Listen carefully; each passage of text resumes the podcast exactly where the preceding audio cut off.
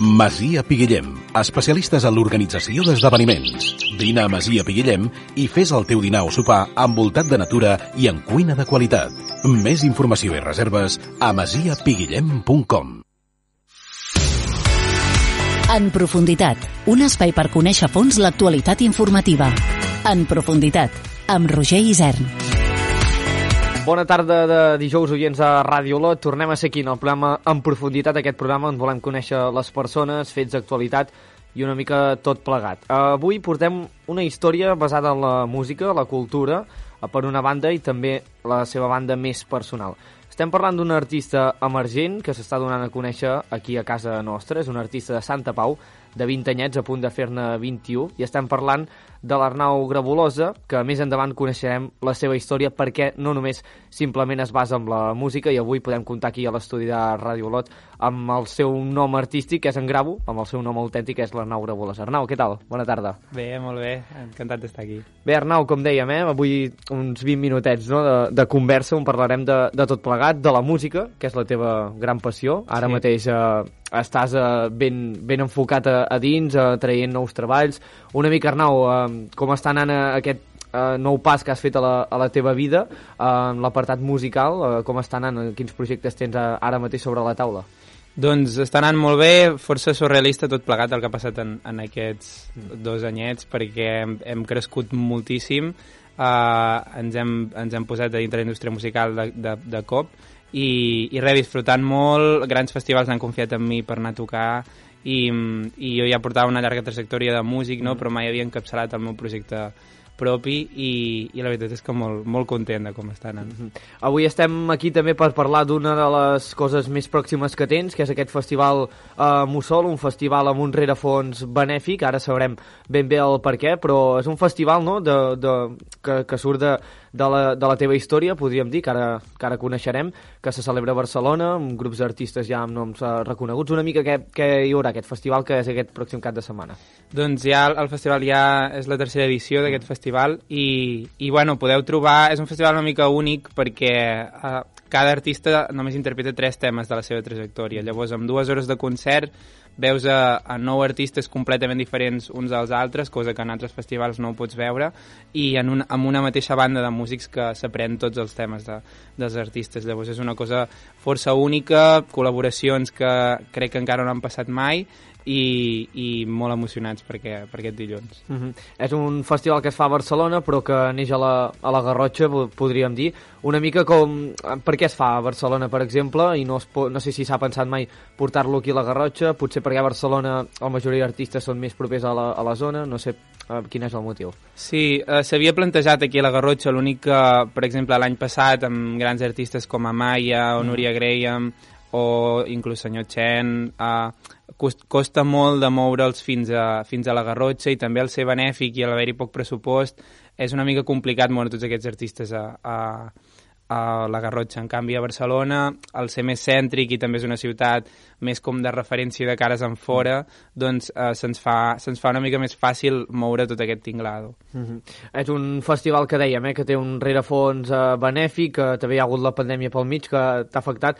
M'agradaria saber com musicalment no, la cultura, que evidentment com, com a tots els sectors ha afectat, però tu personalment aquest període com, com t'ha afectat? Perquè estaves en projectes treballats, entre ells aquest festival, no sé com, com ha passat, ara ja positivament ja venim al futur sí, uh, bé, per, per sort, sí. com, com ho has viscut? viscut eh, aquests, aquests anys? Doncs eh, amb el tema del, del confinament una mica eh, amb ràbia tot plegat perquè per, perquè ens prohibien coses que no, que no, no acabàvem d'entendre el per què i, i havíem fet mil estudis i, i, i havíem demostrat de manera objectiva que la cultura era segura i tot i així no ens feien ni cas, però bueno, ja estem sortint d'aquest bueno, d'aquest espiral de, de ràbia, diguéssim, i ara està passant una mica al revés, que hi ha com massa oferta de festivals, llavors estem també com una mica saturats en, en els músics, hi ha molta, molts festivals i, i molta feina, i llavors potser ara ens falta públic, potser, no? perquè ja no hi ha tant de públic per tants festivals. Uh -huh.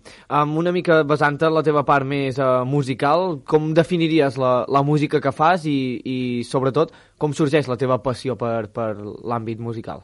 Doncs per poder etiquetar d'alguna manera, a mi no m'agrada gaire etiquetar la meva música, però per, perquè la gent se'n faci una idea, és una barreja entre... El, es mou entre el jazz, l'electrònica, inclús una mica el pop, i no és música jazz, jazzística pura, no? perquè a vegades el jazz el, el, està com molt direccionat cap a un públic de gent, no? I, i sembla com que la gent que no entengui de música no pot disfrutar ah. d'aquesta música. En canvi, la, la, dintre la música alternativa nosaltres som els més, els més pop, els més, els més mainstream i, i arriba a tots els públics i, i és per públic familiar, per públic de, de adult, per públic jove, una mica per tots els públics. Uh mhm. -huh. I la meva passió per la música ja ve des de ben petit, vaig començar a tocar la guitarra amb 5 anys i, i fins aleshores no, no he parat i sempre he tingut clar que em volia dedicar a la música, cosa, cosa estranya per un nen, però sí que sempre ha estat així. Mhm. -huh. Doncs pràcticament neixes amb la música de, de bracet però malauradament hi ha un entrebanc gran a la, a la teva vida, no tot és tan bonic amb la música, sempre ha estat un gran reforç i t'ha acompanyat i ara t'acompanya, però Arnau, perquè ho sàpiga la, la gent, tu vas patir un càncer?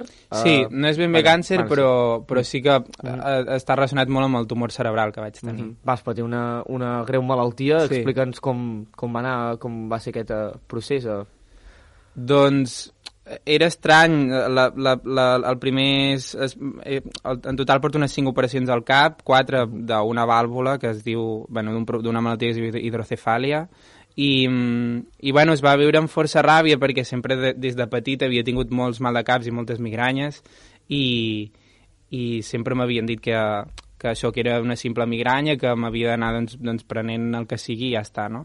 Però un dia vaig començar a perdre la vista, vaig començar uh, inclús a veure taques blanques, a veure doble, uh, mal de caps que jo em pensava que eren normals i resulta que la gent no patia aquest tipus de mal de cap.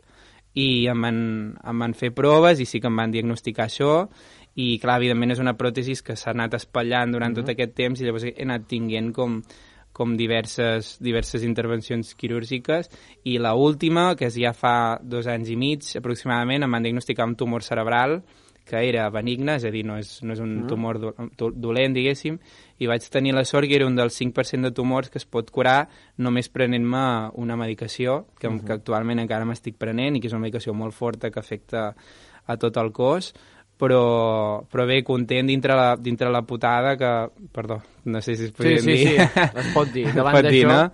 Dintre, dintre aquest entrebanc doncs, que, que hem tingut sort i, i, i també m'ha ajudat a créixer molt, no? perquè tot i, tot i el dolor físic que he patit, també he patit un gran canvi a nivell, a nivell mental i de, i de veure quines persones em feien bé i quines no, i, i una mica evolucionar com a persona. Mhm. -huh.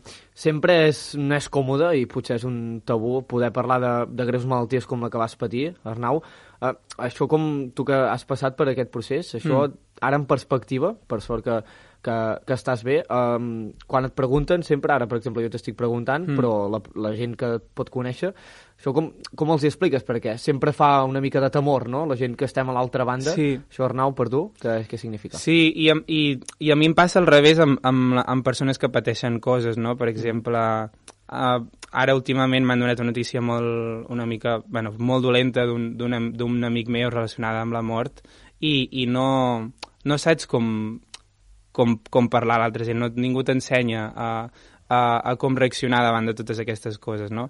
Llavors, en el cas meu de la malaltia, crec que s'ha de... la, la part que a mi em feia més ràbia, sobretot, era com victimitzar la persona mm o, o, o dir-li... Sempre ser com el nen pobret malalt, no? I, i, I no volia ser aquest tipus de persona, no volia ser el, el nen pobre... Uh, al, al final ens ha tocat viure una realitat i ja està, i, però no cal com com vulner vulnerabilitzar aquesta uh mhm. -huh. persona, no? simplement tractar-ho amb, amb la màxima normalitat possible, tot i que la gent que estem a la banda malalts, diguéssim, entenem perfectament que, que aquest tema per, per molta gent no sap com, com agafar-lo, però, però sí, simplement tractar-ho amb, amb la màxima normalitat possible, uh, sempre i quan vegis que la, la persona està, ho ha superat o, o, o està bé, no? que si no li senta bé millor no treure el tema, però si veus que ho, ho, pot, ho pot parlar amb normalitat, doncs cap problema. Mm. Perquè quan uh, detecten la, la malaltia, clar, ets, ets molt jove, uh, mm. pràcticament un nen, clar, això ho deies, eh, que és un xoc, evidentment, per, per tothom, Uh, tu personalment uh, uh, suposo que el recolzament de, de la gent de propera ha estat, ha estat important, no? I també m'agradaria preguntar-te per aquella faceta que té la música, que sempre la música diem que pot arribar a ser terapèutica en aquests casos, eh, ajuda molt. No sé si en el teu cas, que estàs en el món, t'ha pogut arribar a ser un suport a l'hora de superar certs eh, moments d'aquest procés. Sí, pel que fa al recolzament, ha, ha, ha set un, la família i els amics ha estat com el, el més important de tot perquè, perquè t'ajuden molt i, i, i, i això aquí també veus una mica doncs, qui es preocupa per tu mm. i qui no i, i has, has pogut veure que a vegades persones que potser no els donaves tanta importància et donaven molt de suport i al revés, no?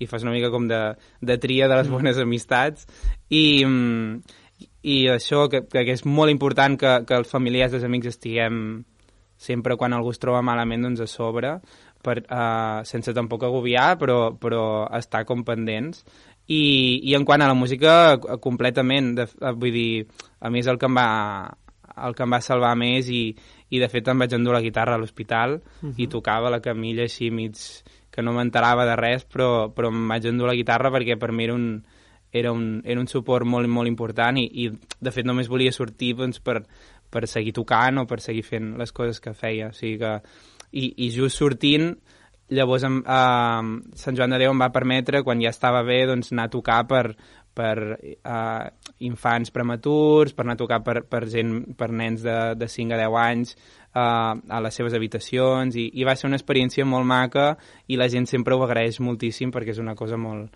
molt curadora. Uh -huh. És una imatge que pot arribar a sobtar, el que definies ara, no? Gaire, estant amb una malaltia greu com la que, que vas patir, tenim forces, podríem dir, no?, per mm. tenir a eh, tocar la guitarra, mm. i ara que pots anar a tocar amb nens que malauradament estan passant un mal moment, això, eh, eh, tu com a músic ho veus, no?, que la música és aquell nexe a l'hora quan estàs mals moments que et pot donar un, et pot treure un somriure, podríem dir. Sí, Sí, sí, sí, completament. Uh, penso que, que, que és molt important i, i sí, sí, de fet, les primeres coses que vaig fer al despertar-me a l'hospital, o sigui, un, em van dir, sempre et diuen quan abans d'operar-te et, et, et, et, et posen una llista llarga de, de coses que podies patir, uh mhm. -huh. d'efectes secundaris i tal, i em van dir, em van dir, crec que em van dir de tot, hemorràgies, em van dir que podia patir mil i mil, mil coses, no?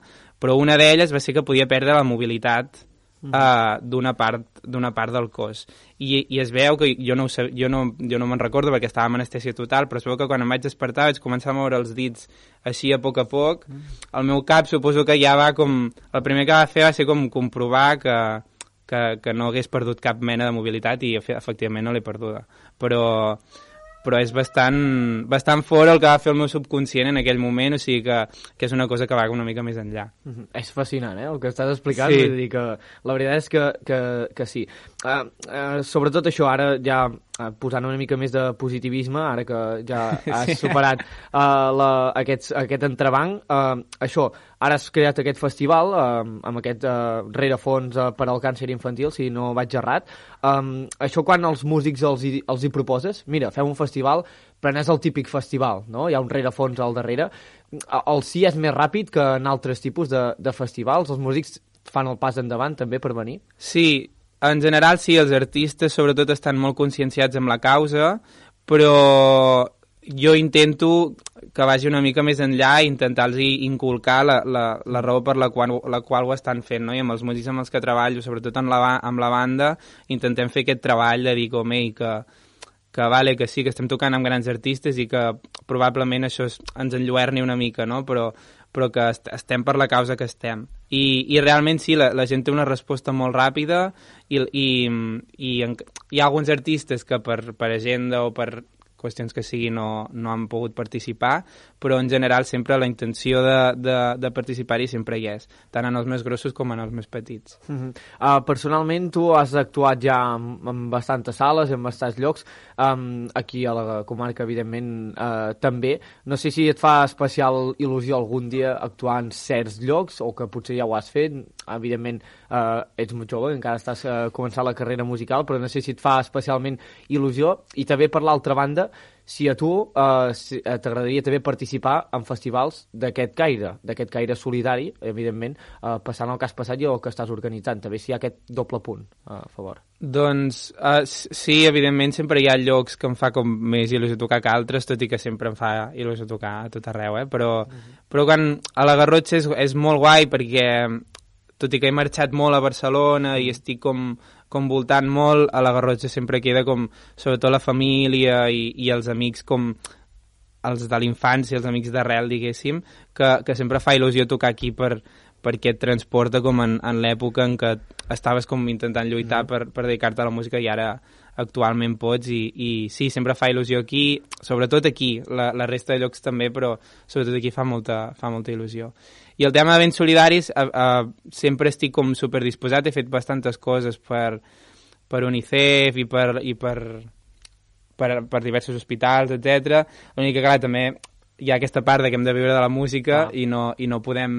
No, no puc fer tot el que jo voldria, no? Llavors, eh, bueno, intentem buscar un equilibri i poder viure de la música i també de tant en tant fer aquestes coses i el Mussol és el que m'ocupa més temps. Mhm. M'agradaria sentar-me amb aquesta frase, viure de la música. Uh, actualment, com a Arnau Grabolosa, uh, a punt de fer 21 anys, creus que és possible que la teva vida vagi lligada estrictament a, a la música?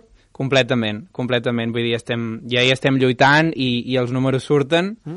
uh, que això és molt important, uh, i, i, i crec que es pot aconseguir i qualsevol persona que vulgui, amb, amb molt d'esforç i dedicació, evidentment, Uh, s'han de sacrificar moltes coses, això sí, que evidentment amb 20 anys no tinc una vida convencional de, uh -huh. de quedar molt sovint amb els amics i de sortir de festa moltíssim perquè moltes vegades estic treballant, mm, i anant de concerts i tocant i tot, però, però bueno, és una cosa que és possible i que s'ha de lluitar perquè no és una feina de 8 hores en un lloc i, i per tant, bueno, costa més però, però completament. Mm -hmm. sí, sí. Clar, no hi ha una poció màgica per triomfar al món de la música. No, Veiem no. els típics concursos no, de, de televisió on hi ha molta gent que pot arribar a cantar molt bé, mm. pot a, eh, arribar a tenir unes grans qualitats, però potser mai pot arribar a treure un simple disc, podríem mm. dir. Clar, el teu cas, eh, què els diries a aquella gent que ara mateix potser estan a un esglaó per sota teu en el procés de, de poder dedicar-se a la música? Hi ha algun secret, Arnau? Ja el que comentaves és a base d'esforç, treball i aquest punt de, de sort, no sé, no sé com els explicaries. Sí, jo crec que la sort sobretot l'has de buscar tu, eh, eh, no t'arriba sola normalment, sempre has d'estar en el lloc adequat i en el moment adequat, crec que és el més important, sobretot no deixar-se enlluernar per, per, per això que deies, la televisió i mm. que que al final és això, només t'enlluerna i, i no, i no t'ajuda realment a dedicar a la música perquè l'objectiu de les televisions uh, més grosses no és que la gent pugui dedicar-se a la música, sinó és simplement fer diners o fer show i, no, i la música no és el més, no és el més important. Això que jo diria, doncs, seguir constants, treballar uh, i escoltar molt a la gent que tens al voltant que, que segur que t'ajuda. Uh mhm. -huh. Ja per anar tancant, Arnau, aquest uh, festival, que és aquest cap de setmana, recordem una mica la gent on, on se celebra i també el, els artistes que poden arribar a venir, i ja després ja preguntarem una mica per, per al futur, però abans a, a posar en context a la gent d'aquest festival Mussol. Doncs això es farà el dia 10 d'octubre a la Sala Apolo a dos quarts de nou de la nit i, i venen grans artistes del panorama català com Judith Nederman, Ginestar, Sara Roy, el Doble, Flashy Ice Cream, el Pau Lobo, molta gent, uh -huh. uh, presenta el Kelly, el Kelly de Coers, que sí. precisament va anar a la voz i, uh -huh. i va guanyar. I, i bueno, és, és, un, és, una, és un event que serà, serà molt maco, uh, les entrades estan disponibles a mussolconcert.com i, i ara, a partir de demà, crec que baixen de preu durant un dia, llavors uh, s'hauria d'aprofitar a comprar les entrades. Um, també, de cares al futur, evidentment ara suposo que has estat centrat en aquesta edició de 2022, evidentment tens uh, gent al darrere que també et fa un cop de mà, però de cares a, a un futur de 2023, després de, de tot el que hem passat, no sé si és un festival que té intenció de, de fer-se gran, és un format que ja us ho sentiu còmodes, no sé si encara heu tingut prou edicions per veure-ho, no sé com, quin és el futur més pròxim del festival. Clar, eh, hem tingut molta exposició mm. i, i, i molts números i tot molt bé, però el que ens falta és uh, la perspectiva dels, dels diferents anys per poder per poder decidir si, per, si, per exemple, Barcelona és la ciutat adequada, si, si jo què sé, si el, si, quin és el públic exacte que tenim, perquè ha anat com fluctuant una mica entre les edicions, una mica, estem una mica encara en fase de prova, tot i que qual, qualsevol desitjaria tenir aquesta fase de prova, i, i bueno, estem una mica com experimentant encara. Mm -hmm. Doncs avui, oients a Ràdio Lot, hem parlat amb l'Arnau Grabolosa en Gravo, artista emergent musical de la Garrotxa. Estem molt contents, primer, perquè la música l'acompanyi i triomfi, segona, després del que ha passat, doncs que avui hàgim pogut parlar amb ell. És un goig parlar amb tu i gràcies per explicar-nos eh, la teva experiència i la teva història, perquè a vegades, eh, sempre que tinguem un mal dia, recordant el que passa a la gent, doncs ens posa lloc i tenim un gran privilegi de, de gaudir de la vida. Per tant, eh, Arnau, moltes gràcies per explicar-nos-ho, que vagi molt bé el festival i sobretot t'anirem seguint amb la teva carrera musical que segur que anirà molt bé. Gràcies per acompanyar-nos. Moltes gràcies. En profunditat, serveis informatius de Ràdio Olot.